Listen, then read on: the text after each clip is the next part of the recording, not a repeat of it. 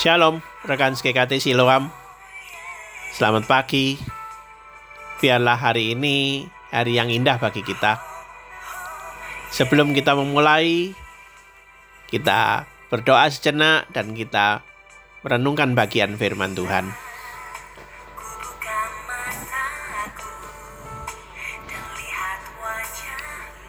Sakaria 7 ayat 9 berbunyi demikian.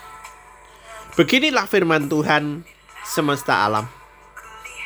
Laksanakanlah hukum yang benar dan tunjukkanlah kesetiaan dan kasih sayang kepada masing-masing.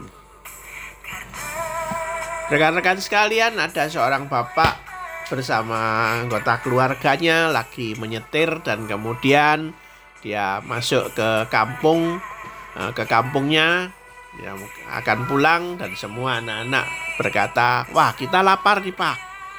Ayo cepat sampai di rumah dan kita makan. Nah tetapi pada saat tunggu saat waktu mereka dalam proses mendekati kampung desanya tiba-tiba macet.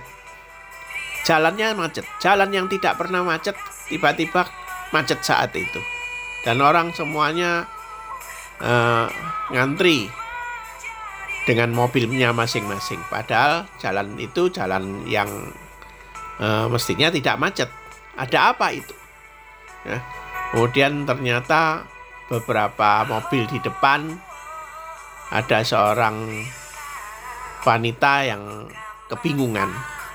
Kebingungan karena mobilnya mogok di tengah dan dia tidak bisa meminggirkan mobilnya dan kemudian uh, bapak ini menepi dan meminggirkan mobilnya mengizinkan mobil belakang untuk maju. Dan dia jalan ke depan. Dia minta wanita itu ada di sopir dan kemudian mendorong pelan-pelan mobil itu ke tepi.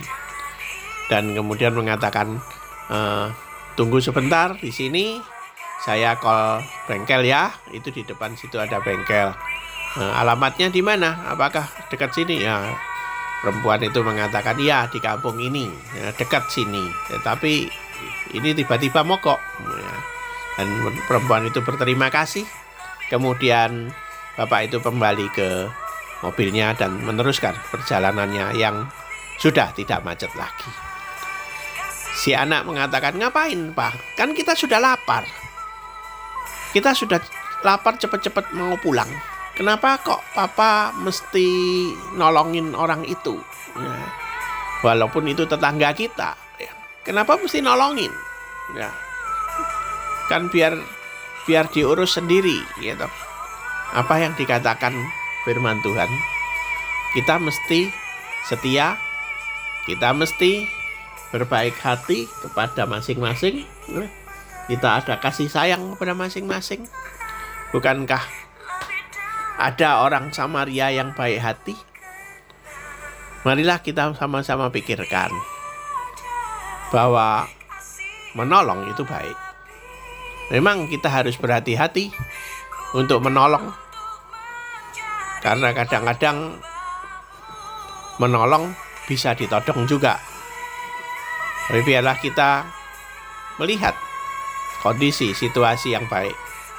Pada saat kita tahu kondisi ini bagus, sempat untuk menolong, ya tolonglah dalam bentuk berbagai macam, tidak harus dalam bentuk mobil, mungkin dalam bentuk hal-hal yang lain, bentuk hal yang sepele, bentuk hal yang kecil, ya. Mari kita tolong. Ya. Biarlah ini jadi berkat bagi kita.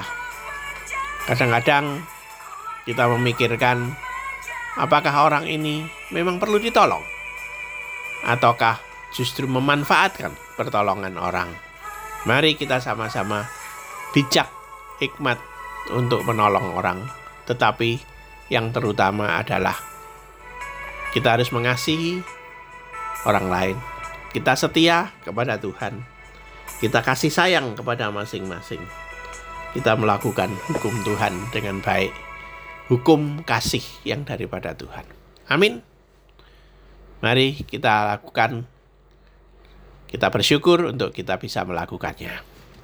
Tuhan memberkati. Shalom. Selamat pagi.